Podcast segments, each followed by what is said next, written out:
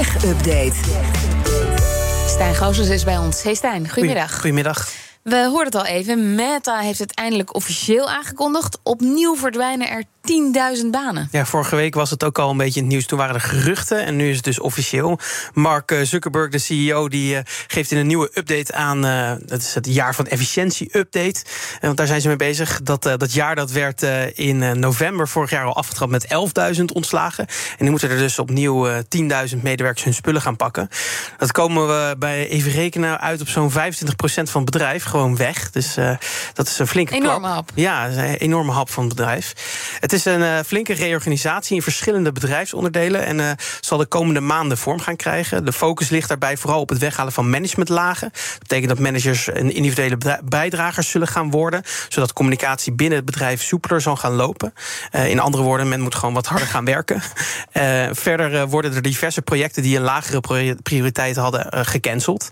En Mark Zuckerberg die gaf aan dat hij uiteindelijk wil dat Meta een beter techbedrijf wordt en in financieel zware weer het gewoon wat makkelijker kan weerstaan. Ja, en diverse projecten met lage prioriteit, dat is vast niet dan de metaverse. Nee, nou ja, of juist wel. Hè. Dat zou kunnen dat hij dus ook minder aandacht gaat krijgen. Maar uh, ik verwacht het niet, nee. En dan gaan er ook nog 5000 openstaande vacatures weg. Hoe zit dat? Ja, ook bij de recruitment-tak van het bedrijf zullen ze het zwaar krijgen. Er worden daar flink wat ontslagen verwacht.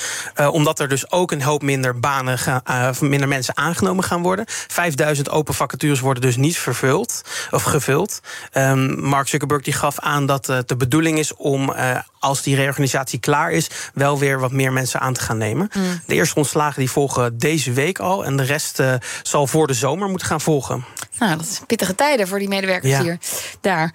Um, Google Docs en Gmail die gaan eindelijk AI-integraties krijgen. Iets positiever nieuws. Ja, dat heeft Google vanmiddag aangekondigd met een veelbelovend filmpje van wat er allemaal mogelijk zou moeten gaan zijn. Kunstmatige intelligentie gaat bijvoorbeeld helpen met mailwisselingen samenvatten, een antwoord uitschrijven en je mails rangschikken. En in Google Docs kan het helpen met brainstormen, uh, ook het uitschrijven en herschrijven van tekst of zelfs proeflezen voor je.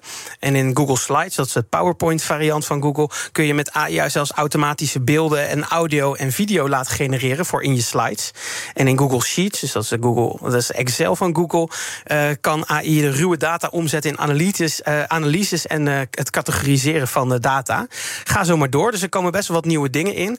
Nu is dit in veel gevallen ook al iets wat Microsoft aan het bouwen is in haar Office apps. Dus er is een flinke strijd gaande. En daarvoor heeft Microsoft op 16 maart dus een evenement, dus over twee dagen, ja. gepland staan. Dus het is wel heel logisch dat Google hier nu mee komt. Ze moesten wel eigenlijk. Precies, net als met Bart. En, en ook hierbij geldt, uh, Google uh, gaat het nog niet meteen aan het grote publiek laten zien. Het blijft eerst voor testers. Dat was dus bij Bart, uh, de, de chatdienst, ook al zo. Daar hebben we nog steeds niks nieuws van gehoord. En pas later dit jaar zal het dus beschikbaar gaan komen. En ik verwacht eigenlijk dat Microsoft het gewoon meteen plop opengooit. Ja, dus dit is eigenlijk meer een, een reactie mogelijk op Microsoft. Gewoon even uh, en dan van, de boel we zijn voor ermee zijn. bezig, we zijn ermee bezig. Ja. Maar eigenlijk heb je het eerder bij de anderen. Precies, maar ik vond er dus wel veelbelovend uitzien in het filmpje. Oké. Okay.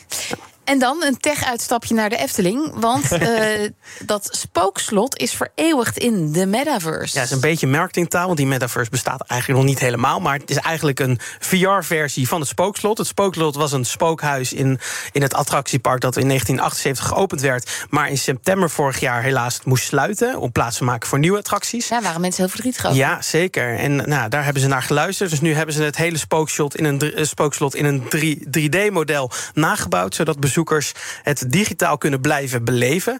Maar daar komt voor medewerkers nog een extraatje bij. En dat stuurde Joe, uh, mijn collega van de Tech Update, vanochtend naar me toe. Met de zin: oh nee, niet nog één.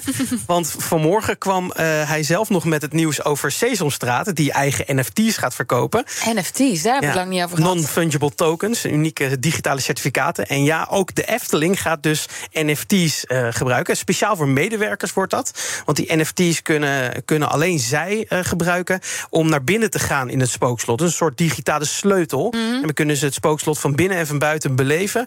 Eh, en van binnen zelfs ook achter de schermen. Maar voor het grote publiek kan je dus alleen eh, buiten bekijken.